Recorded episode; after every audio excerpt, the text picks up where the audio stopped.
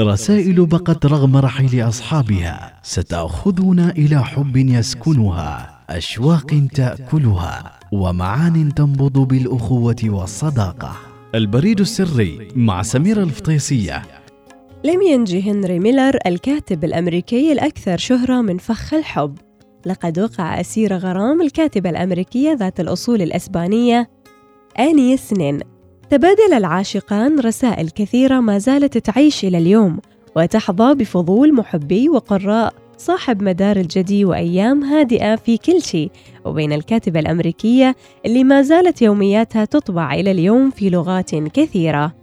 لم تنشغل أنيس نين بموجة النسوية التي كانت مسيطرة على المشهد الفكري والأدبي في فترة الستينات والسبعينيات بل كانت رافضة للتعصب النسوي اللي وصل إلى عداء تام مع الذكور واعتبارهم في مرتبة الأعداء. دعت أنيس نين النساء إلى تطوير مهاراتهن وقدراتهن والانشغال بالإبداع الحقيقي معتبرة أن قضية التحرر الذي يجب أن يطرح هو تحرر الإنسان من كل هواجسه ومخاوفه. ولا يجب الفصل بين الجنسين في هذه المسألة. وبدت علاقة هنري ميلر وأنانيس نين منذ ثلاثينيات القرن الماضي. حسب ما جاء في يوميات أنانيس نين وقد أقامت معه في مسكنه أثناء انهماكه بكتابة مدار السرطان إحدى أشهر روايات هنري ميلر إذ عرفته في عشاء في بيت بعض الأصدقاء بفرنسا. كتبت بعد رؤيته بدأ مثل راهب بوذي راهب له بشرة وردية بصلعته الصغيرة المحاطة بشعر فضي لامع وفمه الشهواني الممتلئ. عيناه الزرقاوان كانتا باردتين ويقظتين لكن فمه كان عاطفيا وعرضة للغواية.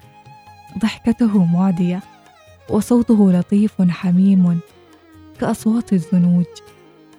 وكان هنري ميلر متزوجا من جون المقيمة بأمريكا بينما كان هو مقيما بفرنسا وكانت زوجته تساعده بما تكسبه من المال.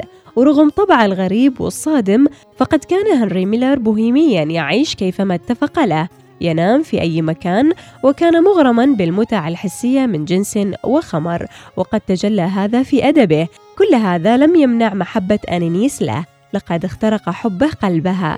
فقدت أنانيس نين السيطرة على مشاعرها تماما لتصبح فيما بعد الشخص الأكثر قربا من هنري ميلر ملهمته ومساعدته وصديقته لشاركته الكثير من المحطات في حياته. واللي أصبحت فيما بعد صديقة زوجته جون إنها علاقة شائكة ومعقدة لا يستطيع شخص منا فهمها بشكل جيد ولكن نقاد وقراء أدبه سيربطون بين سلوكه الواقعي وسلوكه في الروايات وراح يجدون أن هنري ميلر رجل مجنون وجنونه هو الشيء الوحيد اللي أوصله إلى قمة المجد. بادل هنري ميلر محبة أنانيسنين بالمثل وكتب لها رسائل كثيرة. ومن بين الرسائل التي كتبها عام 1935 حيث قال أنايس ليتك تكونين معي على مدى أربع وعشرين ساعة.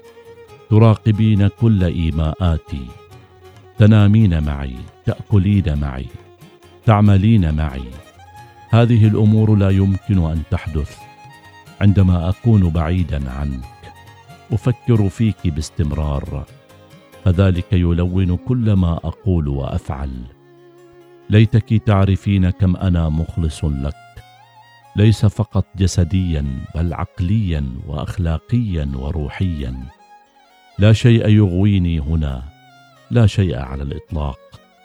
إنني منيع ضد نيويورك وضد أصدقائي القدامى وضد الماضي ضد كل شيء.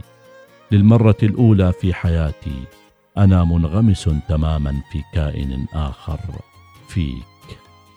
أما من رسائل اني سنين إلى هنري ميلر كتبت تقول أنت تصبح عميقا خارج نطاق الأيروسية. أفكارك لا تقاس وأسلوبك مبهر وروايتك مثل البراكين. أحب المبدع الكامن فيك ذلك الذي يغني للحياة ويمنحها معنى لا يفهمه الآخرون.